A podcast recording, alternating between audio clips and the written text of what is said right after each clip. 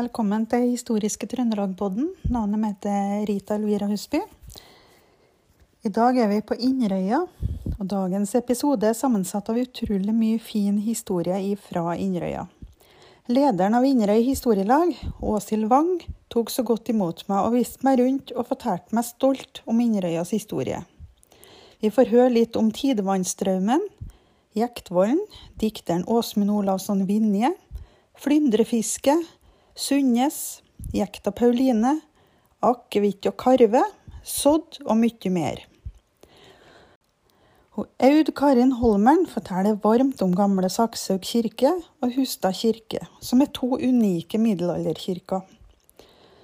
Historiske Trøndelag takker Åshild og Aud Karin for at de tok så godt imot meg på Inderøya og satte av tid til å podkaste med oss.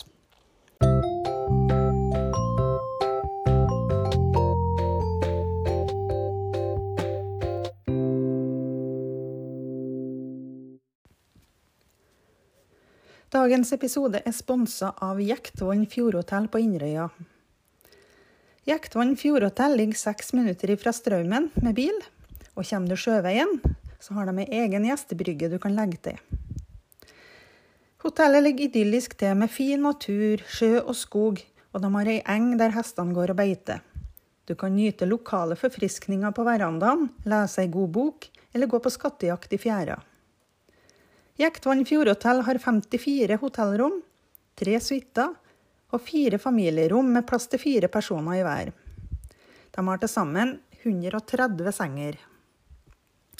Alle rom har god standard med store flislagte bad, og de har egne rom for deg som reiser med hund.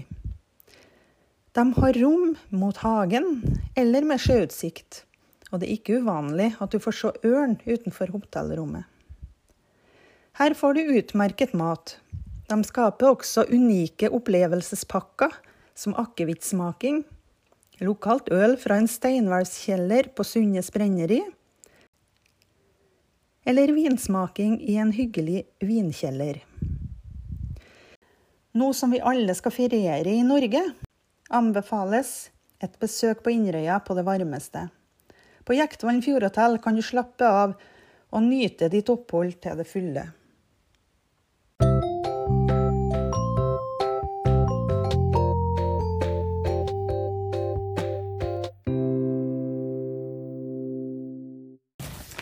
Har jeg lyst til å si velkommen til Inderøy. Tusen takk for det. Og til et lite innblikk i deler av historien her. Ja.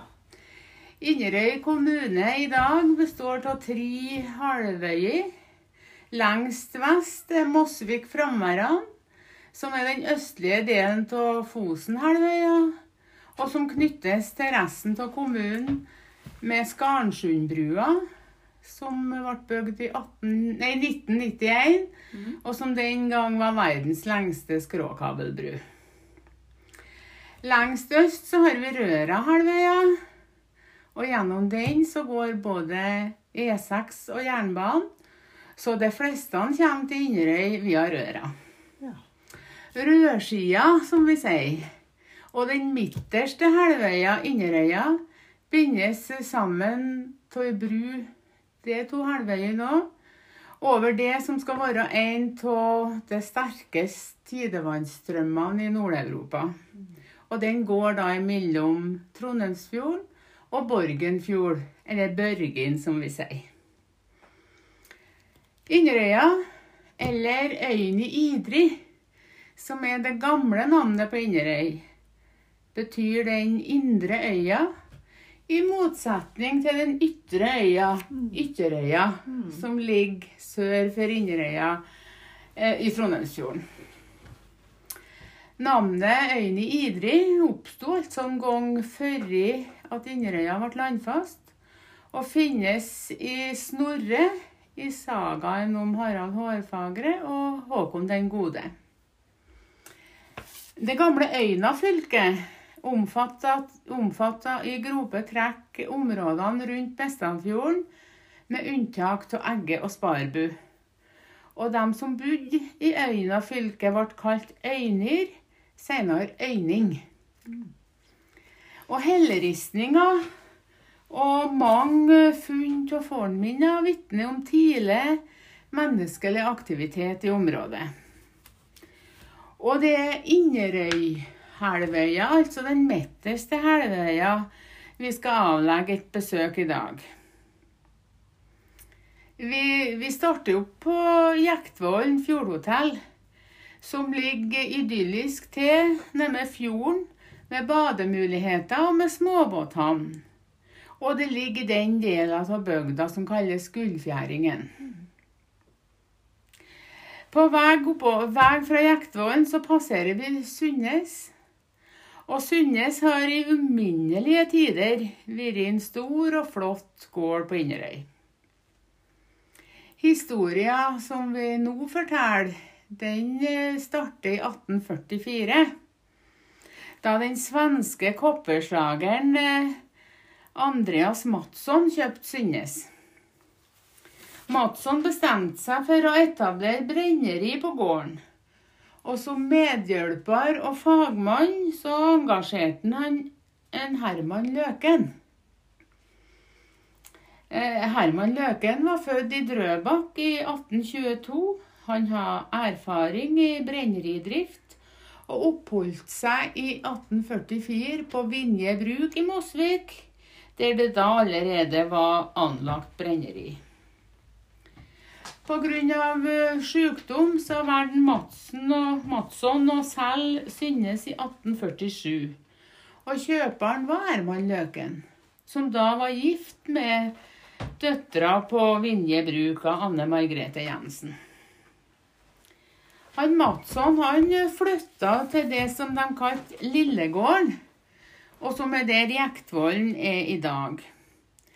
Den herskapelige hovedbygningen, som er utgangspunktet for dagens eh, fjordhotell, ble eh, sannsynligvis bygd i andre halvdel av 1850-åra. Og fra da og fram til 1913 var Jektvollen bolig for eh, distriktslegene i området. hen. Og Den første distriktslegen som bodde der, han het Peter Martin Nerdrum. Han var veldig gartnerinteressert, og det er han som anla den store parken rundt Jektvollen. På Jektvollen var jeg sommerpensjonat allerede i 1930-åra.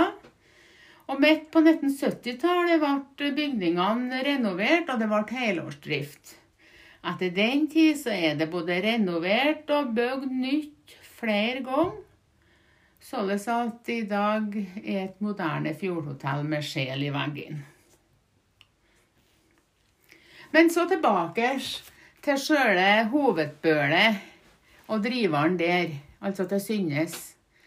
Han Løken han var en foregangsmann på mange områder. Han dyrka store arealer, således at det, det ble 1100 mål dyrka jord der. I tillegg til de 22 husmannsplassene som var der. Og han grøfta all dyrka jorda. Og han tok i bruk nye og bedre redskaper, og han var den første hen i bygda som sådde kunstig eng, og som uh, dyrka turnips. Sønn hans, han Håkon Løken, han forteller i en artikkel om faren og Synnes. Brukets størrelse forstås når man vet at det en sommer ble innkjørt 2000 dobbeltspente lass høy, at det en høst ble opptatt 600 tønner poteter, og at det en vinter sto 425 klavebundne naut på fjøset. Og store forhold, ja. Mm. Han Løken var stortingsrepresentant og ordfører i Inderøy. Han tok initiativet til å bygge bru over tidevannsstrømmen. Hvilket årstall var det? Den var ferdig i 1861.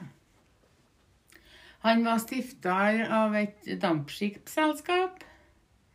Han var leder i byggekomiteen for Sakshaug nye kirke, og mye, mye mer. Han Herman Løken han satsa kanskje for stort. Han eh, gikk konkurs og døde i 1876. Brenneriet, som var etablert i 1844, det ble utskjært som eget selskap i 1912 og var i drift i 2019. kulturpersonligheter som eh, Peter Kristen Asbjørnsen fra Asbjørnsen og Mo. Otto Bull og Åsmund Olavsson Vinje var blant mange flere gjester på Sunnes hos familien Løken. Vi skal nå dvele litt med Vinje sitt besøk i 1860.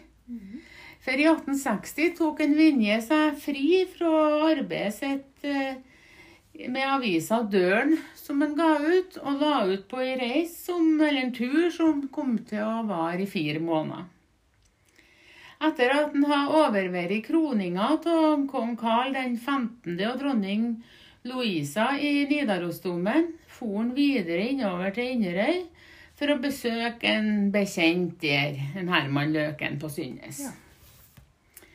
I Håkon Løkens bok, altså sønnen til Hermans i bok 'Landsens liv', finnes det en del ting skrevet om det besøket. Ja, hvor lenge var han her? 14 år. 14 år, Jeg kommer tilbake til det. Ja. Langt ut i august kom en underlig kar med skreppe på ryggen. Langt, svart hår og rusket skjegg hadde han. Litt skjev munn og noen underlige øyne, og blikket var en mellomting av mykt og vilt. Og i samme bok så får vi høre om reaksjonen til tjenesteveita på Synnes av Bertine da hun skulle gå med kaffe på senga til gjesten førstmorgenen var der. Han lå i grønnkammerset. Grønnkammerset eksisterer på Sundnes den dag i dag, men har senere fått navnet Vinjekammerset, da. Og han lå som sagt i grønnkammerset, og han sov godt da hun kom inn, så hun måtte gå helt bortåt senga for å si vær så god. Og så kommer sitat ifra boka, da.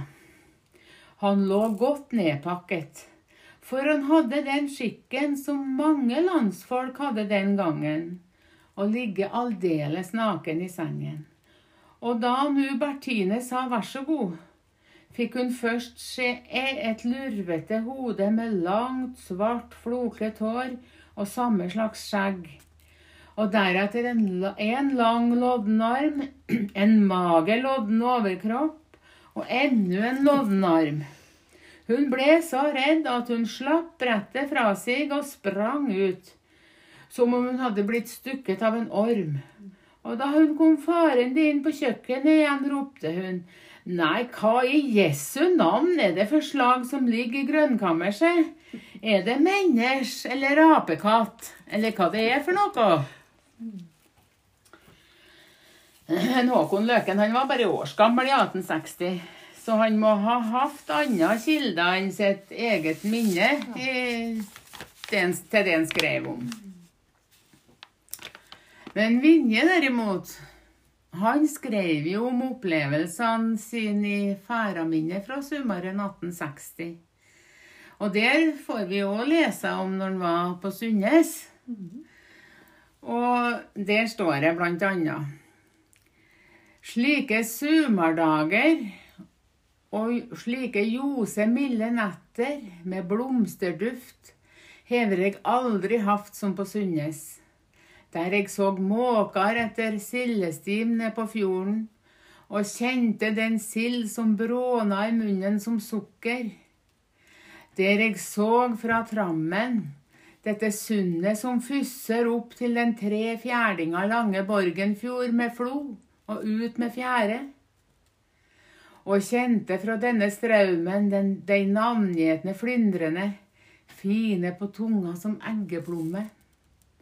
Der jeg gikk i hagen mellom springvatn og bær og blomar, og så ned i denne fjorden for å symja i dette skumsalte vatn.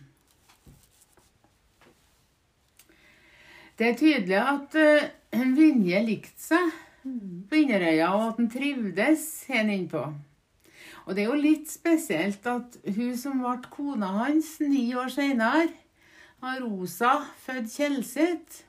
Hun vokste opp hos onkelen sin på Inderøya. På nabo, omtrent nabogården med Sunnes.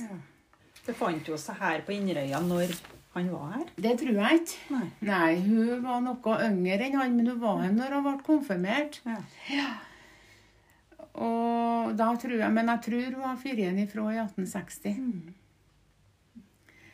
Og, men hun var jo hun var jo vært gift tidligere med en lensmann i Rendalen. Oh, ja. Enevoldsen het hun. Enevoldsen. Ja. Og har to gutter, og en Vinje han traff da på lærerinnelaget i Oslo. Ja, ja. Det var noen artig tilfeldighet. Ja, det var det. De fikk jo ikke noe langt ekteskap. De gifta seg jo i 1869. Ja. Og hun døde i barsel da de fikk en gutt i, tidlig på året, eller på våren i 1870. Var det første født? Ja, de Mm. fikk bare han. Og hun mora døde, da, og faren en Vinje han døde noen måneder etterpå, den 30. juli i 1870. Og da var han på Gran på Hadeland. Ja. Så han er gravlagt der. Mm. Men i hvert fall så om det ble kanskje et kort og ikke noe så veldig innholdsrikt ekteskap med De døde to stykker, begge to på et, et år etter de var gift, så har de i hvert fall eh, begge to minner og kjennskap til Inderøya. Så det er jo litt både tilfeldig og artig. Mm. Eh, den siste kvelden en Vinje var hen i 1860, så skal han ha sagt at i kveld gjenger jeg ikke til sengs før jeg har skrevet hva jeg kjenner. Og da han kom ned til frokost eh, dagen etter, hadde han med seg og leste opp det diktet som begynner sånn. Her ser jeg fagre fjord og bygder som mange gamle kjemper bar, med mange slike store dygder at titt med trur de gudar var. Nu.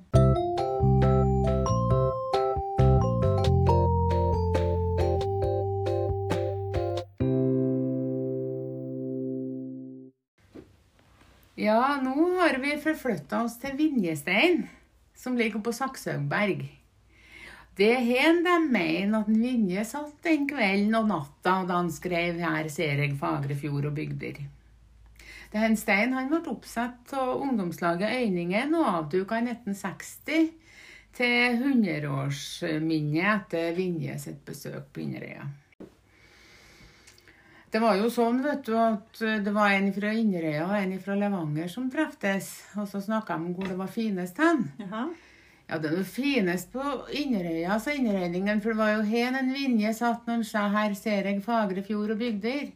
Nå ja, sa han fra Levanger, men det var over til Levanger han så, da.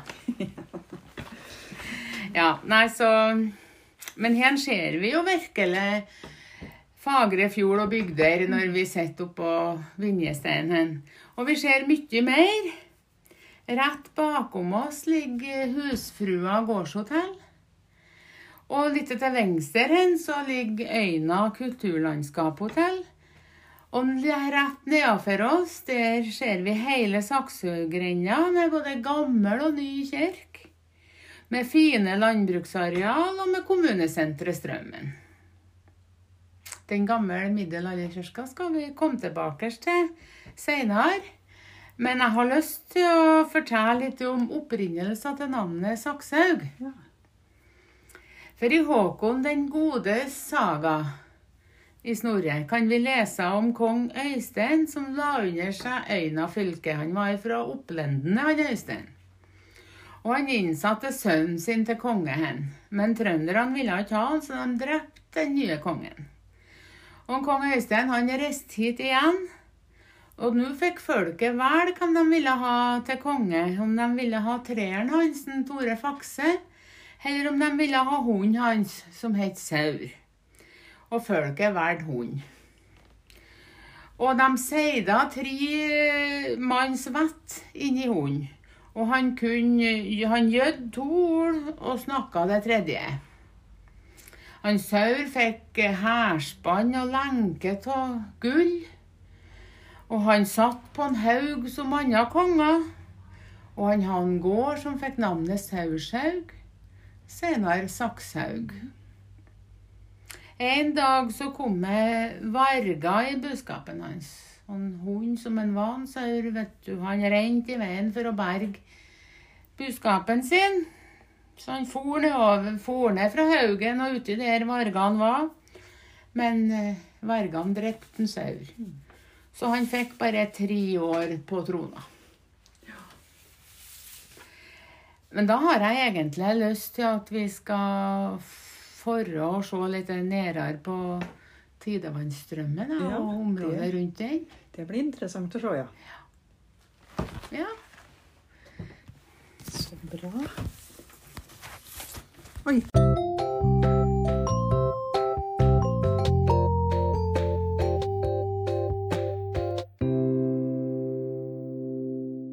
Da har vi kommet ned til Straumsundet, eller den tidevannsstraumen da, som skal være en av Nord-Europas sterkeste malstraumer, som de sier.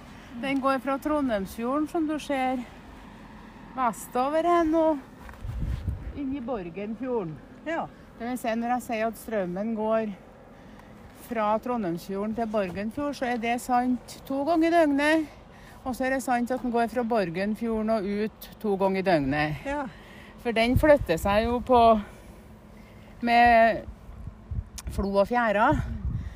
Så fire ganger i døgnet så strømmer enorme vannmengder ut og inn.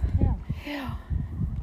Og med det her strømmen så vokste det naturlig nok fram eh, et strandsittersted ganske tidlig.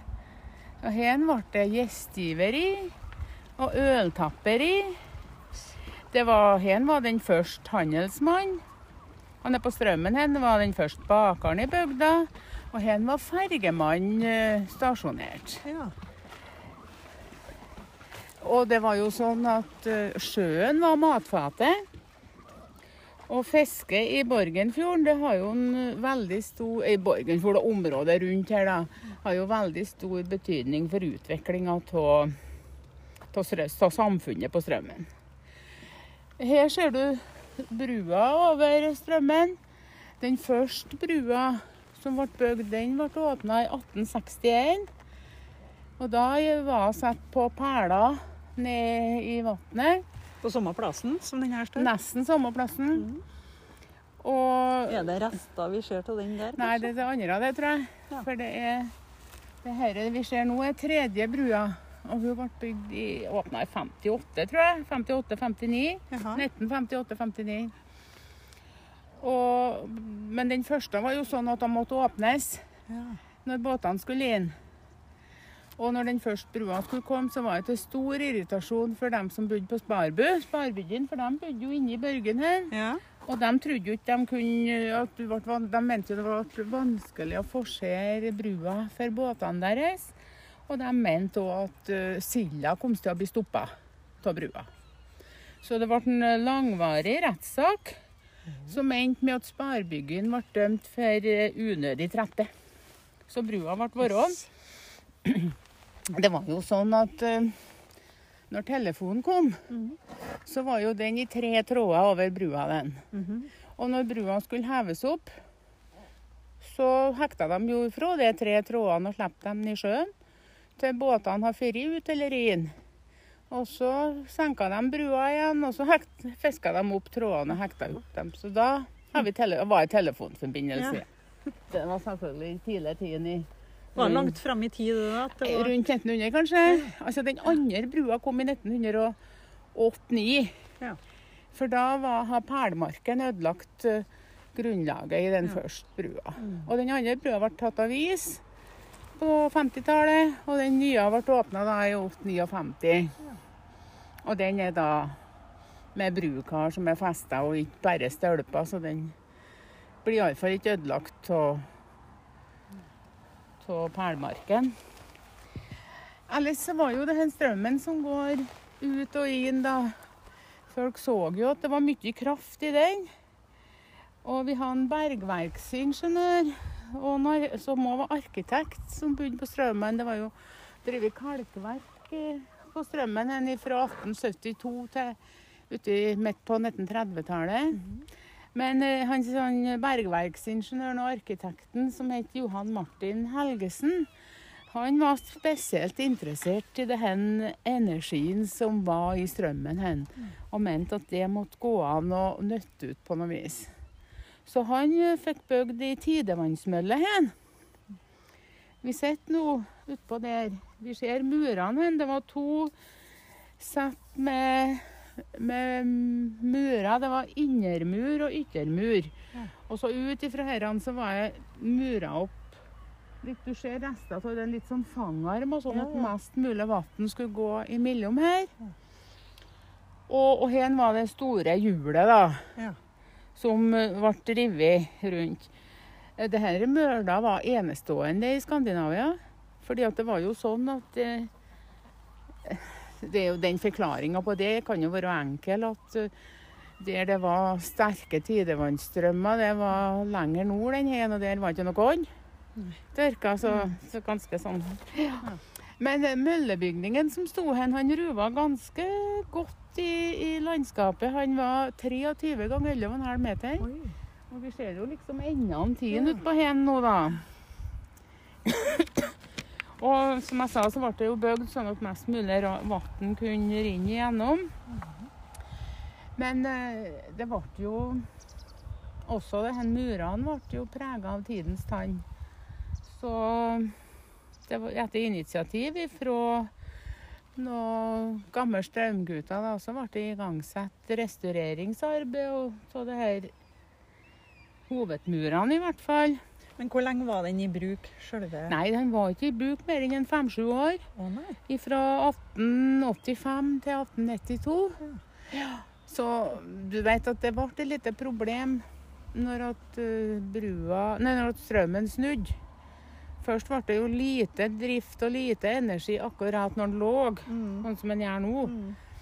Og så måtte de jo ha en spesielt giring på systemet for at det snudde når strømmen gikk andre leia. Mm. Så, så jeg tror ikke at eh, de fikk så mye energi som de har sett for seg.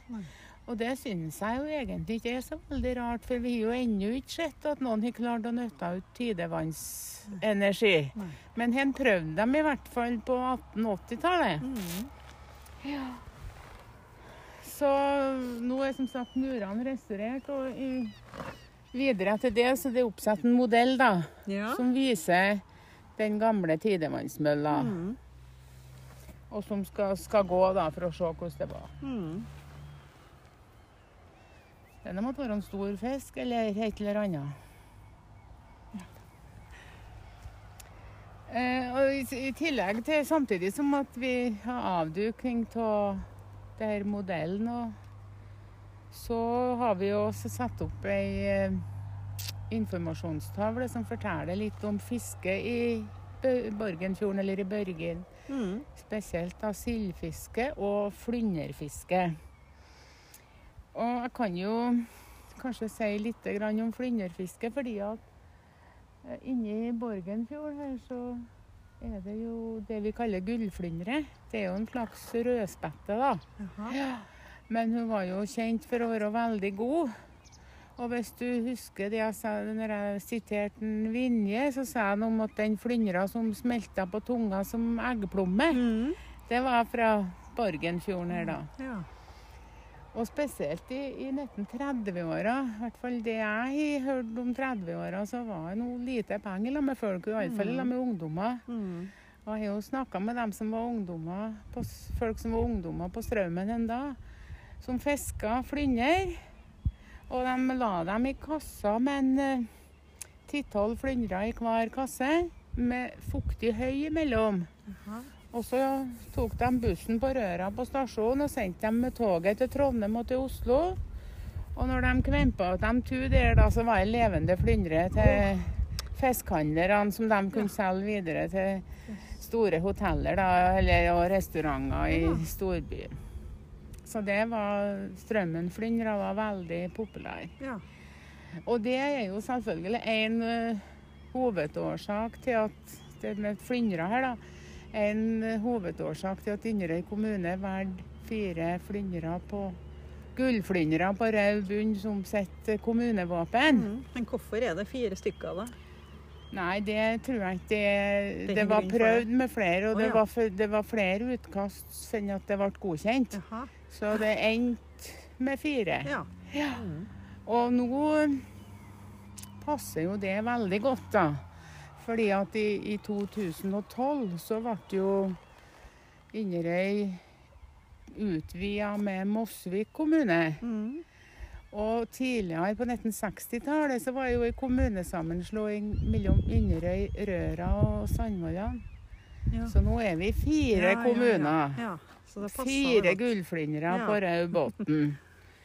Og, og vi kan jo se flyndre eller flatfisk lenger tilbake i tid. Mhm. For noe av det kanskje eldste tegn på, på bosetting som vi har, det er helleristningene på med Skarnsundet, som Mhm. er det på Mosvik-sida av Skarnsundet. Der er det tolv flatfisker som er rissa inn i berget på en, eh, en spesiell formasjon. Ja. Eh, Vi, vi tror vel kanskje at det er kveit, men det, vi går over til å kalle det flatfisk, og så Ja, ja. passer det veldig Ja. godt med fire flyndre i kommunevåpenet. ja, absolutt. Mhm. Så, så flyndra Flyndre har etter hvert blitt mer bort, og det er ikke noe aktuelt er lenger. Nei, altså det er litt hobbyfisking, men ikke noe. Ja. Ellers så er jo strømmen i dag uh, prega av småhusbebyggelse, iallfall den gamle strømmen. Det, som skriver seg fra forskjellige tidsepoker. Mm. Og den første brua her, den går over ei elv, eller en bekk, som heter Graneelva. Ja. Som renner ut i strømmen borti her. Og der har vi en steinhvelvbru fra 1816. Mm. Som het Strømmen bro før, da. Og i dag ja, gangbru over eh, Graneelva, da. ja. Når var den bygd, sa du? 1816. Ja. Det, det finnes flere årstall. ja. Men eh, det, i hvert fall i, i budsjettet for, eh, for amtet i 1827, tror jeg, var det penger til Strømmen bro. Så enten var han jo bygd, eller var han i hvert fall med, da. Ja. Så, men det er 1816 som, eh, som er sagt det byggeår, da. Mm. Og den ligger jo da nederst i Mustreparken. Mustreparken, han eh, ja, Den Strømmen steinbro, den kalles jo Musbrua. Oh, ja. Det var jo en handelsmann som het Mus, som uh, holdt til i det området i, i mange tiår. Så det er jo en del ting som har fått navn etter han. ja. Så Mustraparken han er det en park som er i den trøa som hørte Musgården til, da, som det var den gangen. Mm. Den ble etablert uh, som Den var Inderøys eh, tusen- tusenårssted. Og det er jo mye besøkt både av fastboende og turister. Og en finner jo bl.a. Eh, skulpturer som, to, som Nils Aas har laga. Ja. Nils Aas var jo født på Strømmen her, i 1933. Og han regnes jo som en av Norges fremste billedhoggere. Mm. Blant mest kjent er kanskje kong Haakon-statuen i Oslo. Ja. Han døde i 1904, da, og Nils Aas kunstverksted, som inneholder en god del av hans uh, verk, pluss vann- skiftende utstillinger, det ligger jo på Strømmen her. Ja. Og Strømmen er jo det største tettstedet og, og kommunesenter i Inderøy kommune.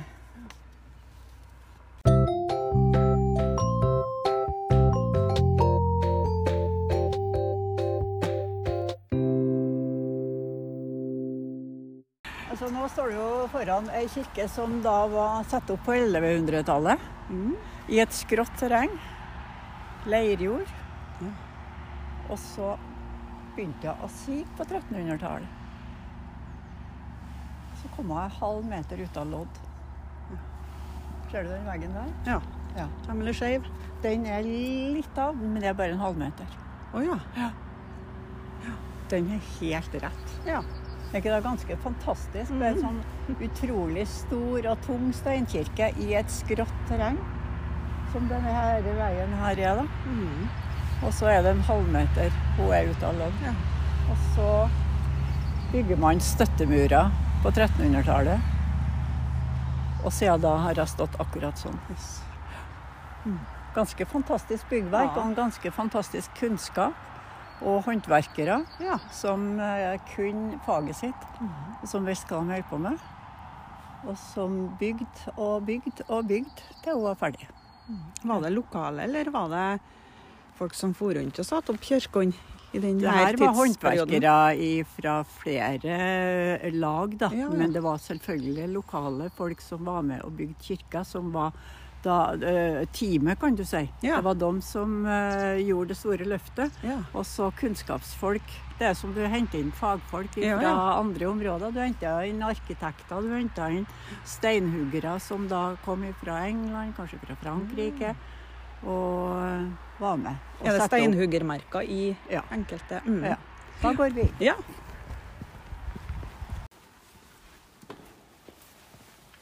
Velkommen til ei kirke som aldri har vært oppvarma. Den har stått her siden 1100-tallet og ble innvidd av erkebiskop Øystein i 1184. Og da var jo alle katolikker. Så da var det ei katolsk kirke. Og så kom jo reformasjonen 1537. Men i Trøndelag så ble vi ikke så veldig protestanter før på midten av 1600-tallet. Da endra kirka seg, og fikk da benke og prekestol og altertavle. Og så ble kirka for lita. Så ble det solgt av treverket i kirka. Alt på auksjon utpå her i 1873 Til private. Til bøndene rundt omkring på bygda, som da så at her var det godt tømmer. Her eh, tenkte de at nå skal vi få da tømmer som har høy kvalitet. Og han Herman Løken på Sundnes, han tenkte jo det at han skulle kjøpe det meste. For han var jo den rike Herman Løken.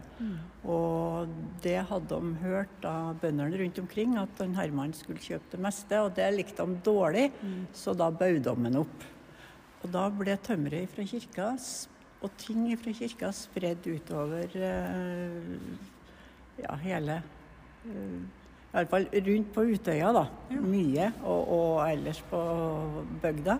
Og da vet vi jo ikke helt hvor tømmeret havna, så vi kunne ikke liksom gå tilbake og plukke det. Men uh, mye er på Sundnes gård. Ah, ja. Men det du står ved siden av her, det var i et båtnaust. Jaha. Ikke så langt ifra Kvamsholmen. Og så spurte vi om vi ikke kunne få tilbake noe av treet i gulvet i båtnaustet. Og så gjorde vi det og så laga ei tavle her, da. Det er fra 1800-tallet.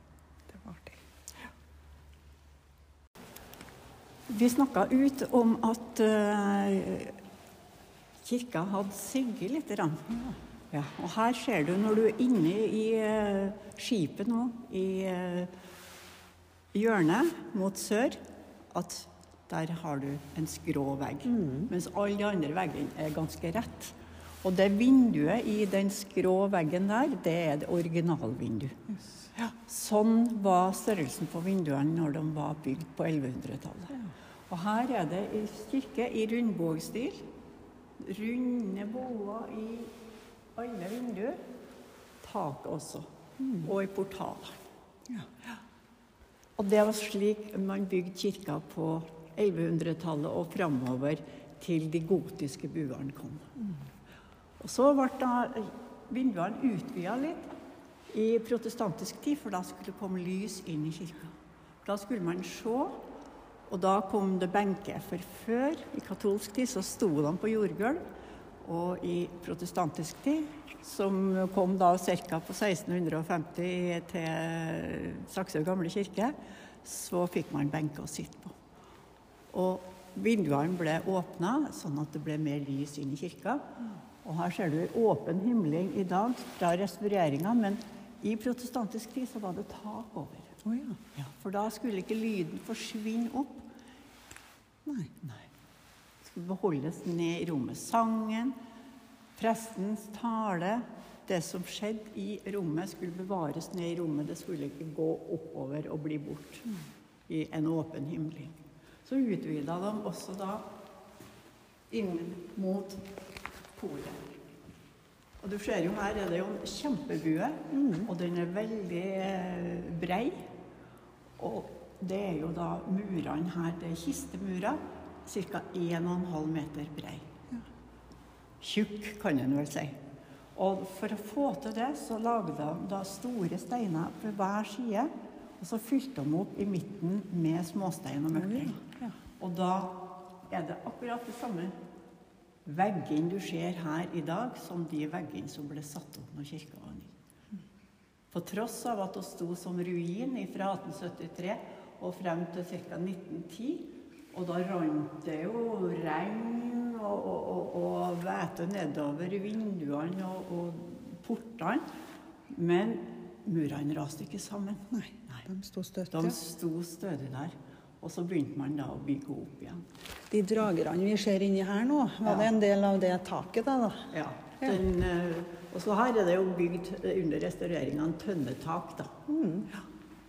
Men det rommet her, det var jo et åpent, stort rom med plass til folk fra Verran, fra Beistad, fra Sandvollan. Og Inderøya var da ikke akkurat sånn som Inderøya var i dag, men det var i Sogne kirke. Så ble hun forlita. For det kom en ny lov i 1851 om at to tredjedeler av eh, folket skulle gå inn i kirka. Da ble den her forlita. Så måtte man bygge en ny kirke. Og den sto ferdig i 1871. Mm. så ble den her da stående som ruin. Men alt inventaret da, som ble solgt på den auksjonen, Ja. Eh, fikk Det ble, det ble solgt tømmer, og, og det som var såkalt løsøre, da, Ja. sånn som kunne flyttes. Ja. Og så ble det jo slått ned en del, det skjer inni i, i i sakristiet. Jaha. Men fikk dere tilbake noen ting av det løsøret, da? Sånn som eventuelt døpefond eller et eller annet? Det, som- det ble ikke solgt. Ingenting av det ble solgt, for det, det var det som var tømmer. Ja. Oh, ja. Og alt som var da Den har stått der hele tida. Ja. Den er fra 1100-tallet. Den har stått her ute først, i katolsk tid. For at når de kom med barna da, så ble de døpt ute, for de var urene. Og ble, kunne ikke tas inn i kirka før de ble døpt. Så da duppa de dem nedi der, og så kunne de da komme inn i kirka. Og prekestolen, den kom til Vitenskapsmuseet. Og altertavla til Nykirka. Den har nå blitt restaurert. I fjor og året før så har man da jobba med å restaurere og få fram fargene. For at når det har stått siden 1650-tallet, så blir det litt falma. Sol og lys, og ikke minst eh, røyk fra levende lys. Ja, Det er veldig tøft for um, malinga, og det legger seg som en hinne utapå. Og når de restaurerer, så måler de ikke over, men de går inn og ser på hvordan de kan forsterke eksisterende og for, fornye litt av det som er da de gamle fargene. Så det er faktisk ikke mala over alt her? Nei, det er ikke mala over. det Mye er originalt som Ja, det her er originalmalinga. Som de da forsterker, kan du si, på en enkelt vis. Ja. Så det her er da Markus, Matteus Lukas og Johannes litt bak. Og unnskyld, den gangen hadde de jo ikke særlig mye bilder av hvordan de så ut. Nei. Men du ser de har fått sine egne karakteristikker, Ja. uttrykk. Da. Så, så det her, når eh, unger er med inn i kirka og ser på det her, så er de veldig opptatt av eh, hvordan de har fått til og forskjellige øyne, hvordan de ser på oss. ja. ja. og himlinga den er laga lokalt, for den var nok eh, da kommet bort. Ja. Og de englene, kjerubene som er over, de har bare til Oslo blitt restaurert. Så nå er, ser du da en hel uh, ny, restaurert prekestol med himling og engler. Og virkelig flott. Ja, den er i særklasse, for det er da det er trøndersk barokk. Og det var han Johan Bildschneider og han Johan Kontrafeier som sto for den trønderske barokken på 1600-tallet. Så kan du se i kirka at her har de to håndverkerne vært. Høy kvalitet, igjen. du kjenner igjen, ja. Og øh, de har jo ikke mye hjelpemidler i kniver eller håndverk, men de var øh, i en spesiell sjikt når det gjaldt kunnskap om utskjæring. Litt sånn som vi har hatt på Inderøya i forhold til eh, håndverkere her. Altertavla den ble satt i Nykirka. Og ble selvfølgelig da tatt tilbake i eh, kirka her, Saksa gamle kirke, når eh, den var ferdig restaurert. Hvilket årstall var den ferdig restaurert da? Kirka ble nyinnvidd i 1958. Da sto alt på plass igjen, kan du si, som de har fått tak i. Det var jo ikke sånn som brudestolene var kommet etter hvert. Mm. Men her har du en tradisjonelt oppbygd uh, altertavle med treenigheten sånn at du starter ofte med nattverden nederst. Og så har du da et uh, bilde der hvor vi har innvielser til nattverden. Vår Herre Jesus Kristus, i den natt han ble forrådt, tok han brødet, brøt det, ga det til sine disipler og sa, ta dette og et det. Gjør det til minne om meg så ofte I kan. Likeens tok han kalken. Det er inskripsjonen til nattverden, i stedet for at man har da nattverden, den mislangslo nattverden. Ja. Og så Jesu himmelfart. Her skulle vi hatt et lys som så de fantastiske farger som egentlig er, men det har vi ikke, da. Så du ser jo liksom at han har kledet rundt seg, og han vinker til læresveinene. Og så ser du over der, så står det 1692. Men selve tavla ble skåret før. Jaha. Fordi at det tok jo sin tid å lage ei altertavle. Og den eh, er jo laga i deler. Og så var det nok ikke midler nok til å male henne. Så da ble hun malt i 1692. Mm. de initialene som står her? Ja. Der er det da et uh, våpenskjold. Det er til nei, det er til amtmann, og så er det lagmann. Og så er det konene da, på hver side. Og så har Wesseltorp Han var prest den gangen. Og han har også ville hatt med seg sitt, så han har skrevet her da anno 1992. 1692, men. Ja. Så det er da Moses som er oppe på fjellet og henter da steinene. Og så er det Johannes døperen. Og over alle konger så er det da korset. Her ser vi Fredrik 3., som var konge på den tida. Han har sitt emblem her, med støtte av løvene. Og så er det krona og korset øverst. Symbol på at over alle konger står Jesus Kristus.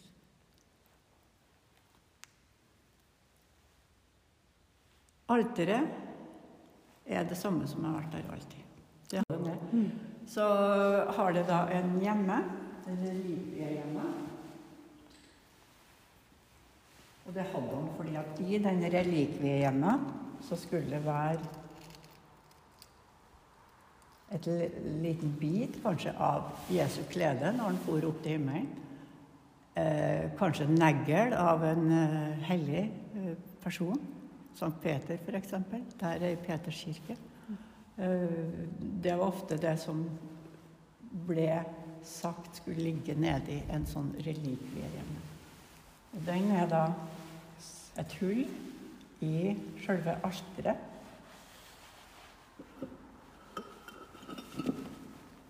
Der har vi da Sankt Peters nøkkel. Den er forholdsvis ny. Den ble lagt ned under det som var da i fjor, når vi feira kirka med 835-årsjubileet. Og fant at vi måtte ha et symbol for kirka som lå i relikvia. For det som var der opprinnelig, var jo forsvunnet. Ja. Ja, den har jo ligget her i lein mm, i hundrevis av år, og hvor den har forsvunnet, det vet vi jo ikke. Nei. Men Men har den vi steinen som er lokket her, da, var den på plass? Den la Riksantikvaren ned for fire år siden, da han var innom her og så på kirka. Så ble det laga en ny stein som ble lagt ned da av han. For at steinen var også borte. Så steinen var borte, og relikviet var borte. Ja. Riksantikvaren la ned en ny stein, og når vi da har uh, kirka 835-årsjubileum, så la vi ned en ny symbol for kirka. Med Sankt Peter.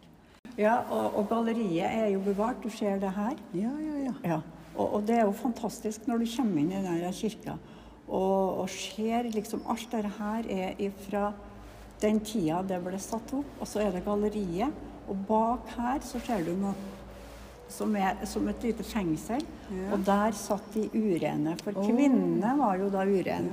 Når de var født, så var de jo det inntil eh, de da ikke blødde lenger, ja, for eksempel. Ja.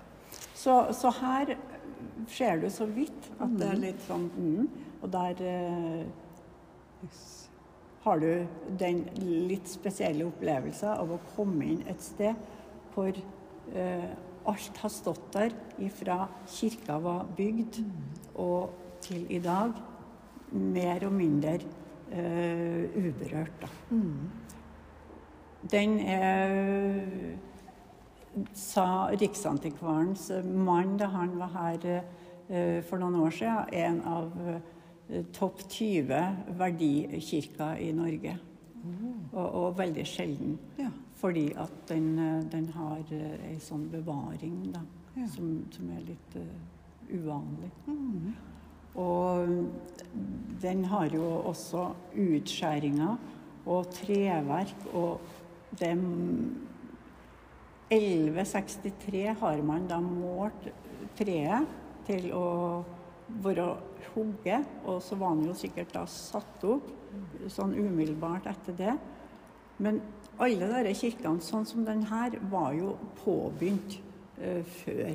Det var ofte da at man har kanskje noen hellig grunn tidligere, brukte den tidligere, og så kom kirka som et resultat av det som har foregått der på et tidligere tidspunkt. Man tror jo f.eks. her at det har stått i kirke her allerede, ei lita trekirke. Ja. Og så bygger man videre på det man har. Sånn var det på Mære. Der var det et hov. Ja. Ja. Høvdingene i, i, i Trøndelag på denne øya her var veldig mektige. De har mye, og de uh, samhandla om det som da du kan si var makta si. Ja. Uh, og møttes til hov og blodting. Og trua på de gamle gudene. Vi må gå også rundt kirka, for det må du nesten se. på Ja. den her. Og så her er kvinnesida. Ja, ja, Kvinnene ja. gikk inn på kvinnesida, og det var ikke så rart, men det var jo det her med å gå inn til venstre, og så gikk mennene inn til høyre, eller på høyresida. Så satt han der, der og der, og foran dere portene så er det da noen symboler. Jaha. Kvinnene Ops. Har eh, et uh, symbol som går på fruktbarhet. Jaha. Veldig sjelden at uh, steinkirka rundt har det her symbolikken oh. på utsida. Det her er en fruktbarhetskultus. da. Strøk man på dette her, så, så kunne man bli gravid. Jaha. Og det, det måtte man bare tro, altså. For den har jo ligget, den steinen der. Det var mange som har sagt at ja, men den der er dere jo lagt inn etterpå. Men det har vi jo ikke. Den har ligget her siden kirka var bygd, og på den sida her så har du et demonansikt. og du ser jo litt tydelig, men her har været stått rett på, så de på en måte utviska i ansiktet. Dette er også symboler som er brukt på kirka i Europa, i Trondheim, i Nidarosdomen. Og så har du det her med akse og, og Eller er det kjeden, skjeden og så penis? Oh, ja. Det er jo gjerne det man må ha for å få til det her. Ja. Og så ser du da et ansikt som er en type demonansikt. Ja.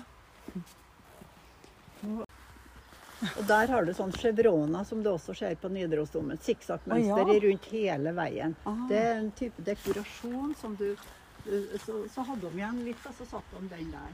Gud Karin Holmern. Og du er guide i kirka her. Har guida i kirka her, ja. Og, og er på en måte en hjelper til kirka, da. Ja. Jobba med kirka i veldig mange år. Og syns at kirka skal være åpen mest mulig, sånn at vi har åpen kirke. Og vi har sommerarbeid for ungdom i tre dager. Onsdag, torsdag og fredag. Og, det ser vi, at når vi åpner kirkedørene, så strømmer folk til. De Det det, er ja? nesten magisk. Det er nesten sånn at de ser eller kjenner at nå er døra åpen, og så kommer de. Det er utrolig interessant å se Ja. Og det er ikke bare gjennomreisende, det er inni. Det er folk fra alle plasser. Ja.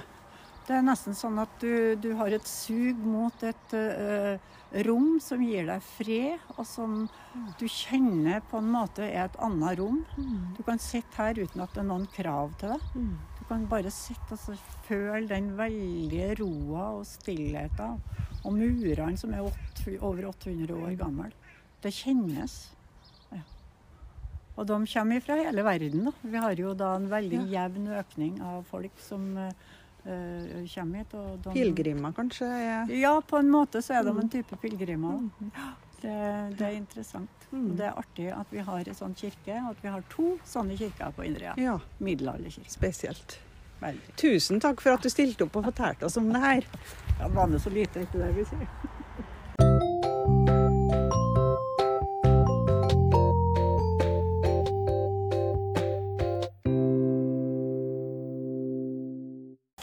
For nå eh, har, og har vi jo sett noe av Inderøya og hørt litt av historien. Men, eh, og vi har snakka om fjorden, og vi har snakka om fiske, og vi har snakka om Jektvollen. Men jeg syns ikke at uh, vi kan forlate eh, Inderøya uten å snakke om jektfarten. Fordi at igjen på Inderøya så har vi jekta Pauline, som er verdens eldste seilende jekt. Hun ble bygd på gården Letnes på Inderøya i 1860, og ble da hetende eh, Letnesjekta. I 1897 ble hun ombygd fra å være klinkbygd til å bli kravelbygd, og dessuten restaurert på alle bauger og kanter. Og i den forbindelse fikk hun navnet Pauline. Senere ble hun solgt og omdøpt til Nevra.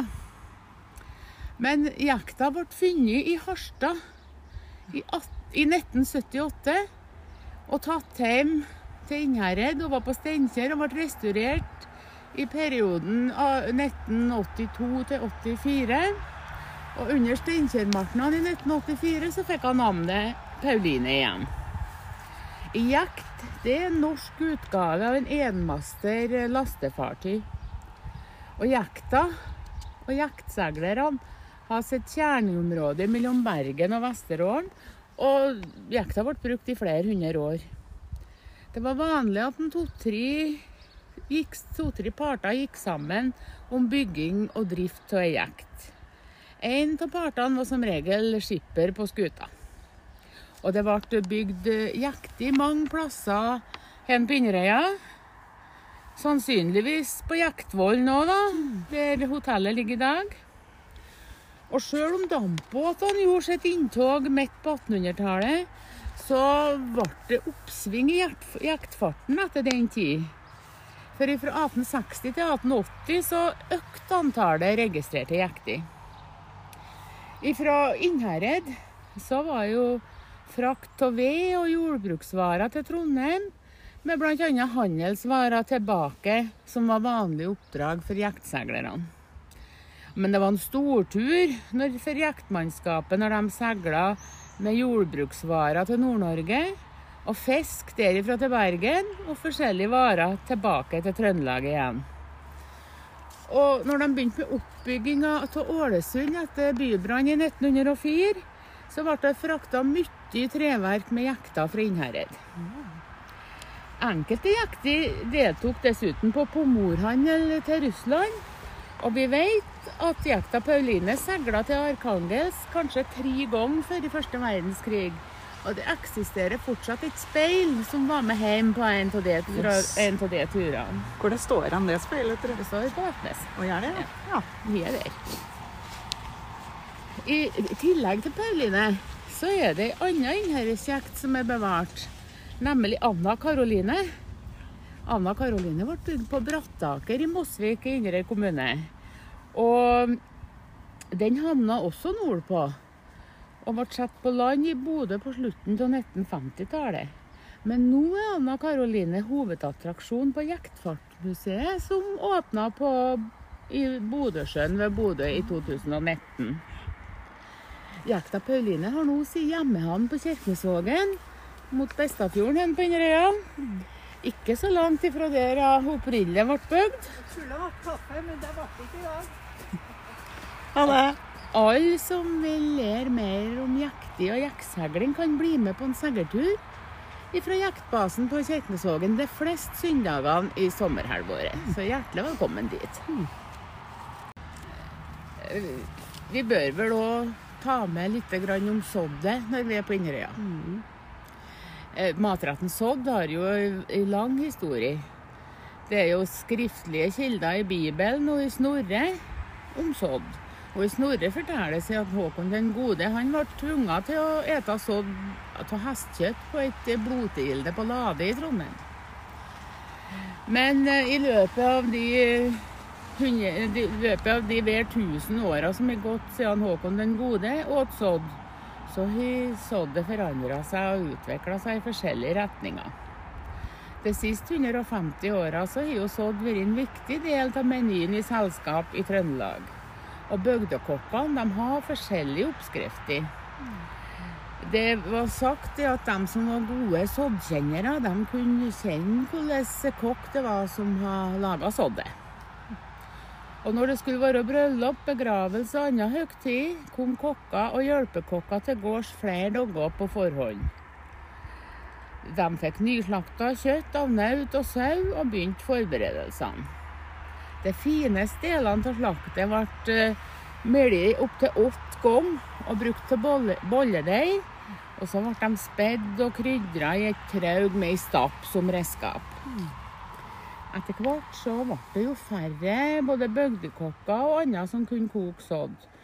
Og da var grunnleggeren av Inderøy slakteri, Jonas Pedersen, han grep muligheten for å samarbeide med noen av de bygdekokkene som fremdeles eksisterte, og starta produksjonen av Inderøysodd for salg. Inderøysodd er jo festmat bestående av storfekjøtt og fårekjøtt, som er kokt og rensa og kutta i terninger. Kjøttkrafta fra kokinga blir krydra med en hemmelig krydderblanding.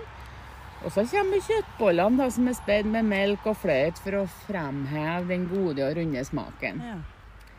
Soddoppskrifta er jo den samme i dag som den var for generasjoner siden. Så serveres det kokte gulrøtter og kokte poteter da, sammen med soddet. Og så bruker vi jo, bruker vi jo skjevning Ja, til soddet. det er kanskje litt spesielt utpå Ja, her, det. og skjevning bakes jo på Røra bakeri i Bingerøya. Ja. Og det er jo et spesielt tynt, festflatbrød som er smurt sånn at det blir søtt og blankt på den ene sida. Og det diskuteres hardt om det er oppsida eller nedsida som er Ja. Soddøl hører jo òg til sodd, og det lager jo Inderøy gårdsbryggeri, som er litt lenger ute på bygda her. Og soddakevitt fra Inderøy brenneri på Kirkenesvågen gjør jo soddmåltidet fullkomment. Og I tillegg til soddet og det tilbehøret til det, så lages det jo veldig mange eh, varianter med lokalmat til en Inderøya. Ost og spikkemat og urter og, og mye forskjellig lokalmat finner du jo hos aktørene langs Den gylne omvei og i butikker og utsalgssteder har nær sagt landet rundt. Ja. Eh, vi var jo tidligere inne på det at det var brenneri på Sundnes fra 1844 til 1919. Nå senere, så, I senere år så har det jo, jo Inderøy brenneri på Kirkenesvågen, på Berg gård på Kirkenesvågen, etablert. Og de lager jo nå, nå Inderøy-akevitt. Og det har jo Karve har jo i mange år vært en viktig smakstilsetning i brød, ost, surkål og akevitt. Og på 1800-tallet så var salt og karve de krydderne som ble mest brukt til smak og konservering. Og før i tiden, Da brukte de jo viltvoksende karve. Men etter hvert starta av importert karve. Men det ville Inderøybøndene gjøre noe med. Så bonden på Sund, Johannes Brakstad, han begynte å samle inn frø fra villkarve. Og så i 1990 det første av det karvefrua. Og det var starten på Inderøykarve BA, etablert av bønder på Inderøya i 1994. Og når du kjører en, så ser du noen åkre som ikke ligner på andre åkrer. Som er mørkebrun. Ja. Og det er karve. Og Inderøykarven han har et eh, spesielt høyt innhold av eteriske oljer. Og det antar de henger sammen med bruken av villkarve og det faktum at den dyrkes så langt mot eh, nord med lange dager og korte, kjølige netter. Og det meste av Inderøykarven går i dag til Arcus, så når du kjøper norsk, norsk akevitt som er eh, inneholder karve, så er det store muligheter for at du smaker Inderøykarven. Ja. Av importert karve. Men det ville Inderøybøndene gjøre noe med.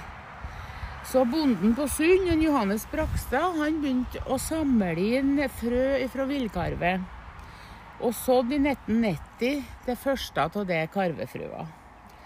Og det var starten på Inderøykarvet BA, etablert av bønder på Inderøya i 1994. Og når du kjører en, så ser du noen åkre som ikke ligner på andre åkrer.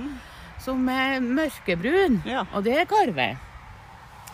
Og Inderøykarven har et eh, spesielt høyt innhold av eteriske oljer. Og det antar de henger sammen med bruken av villkarve og det faktum at den dyrkes så langt mot eh, nord med lange dager og korte, kjølige netter. Og det meste av Inderøykarven går i dag til Arcus, så når du kjøper norsk, norsk akevitt som er inneholder karve, så er det store muligheter for at du smaker Inderøykarven. ja. Ja.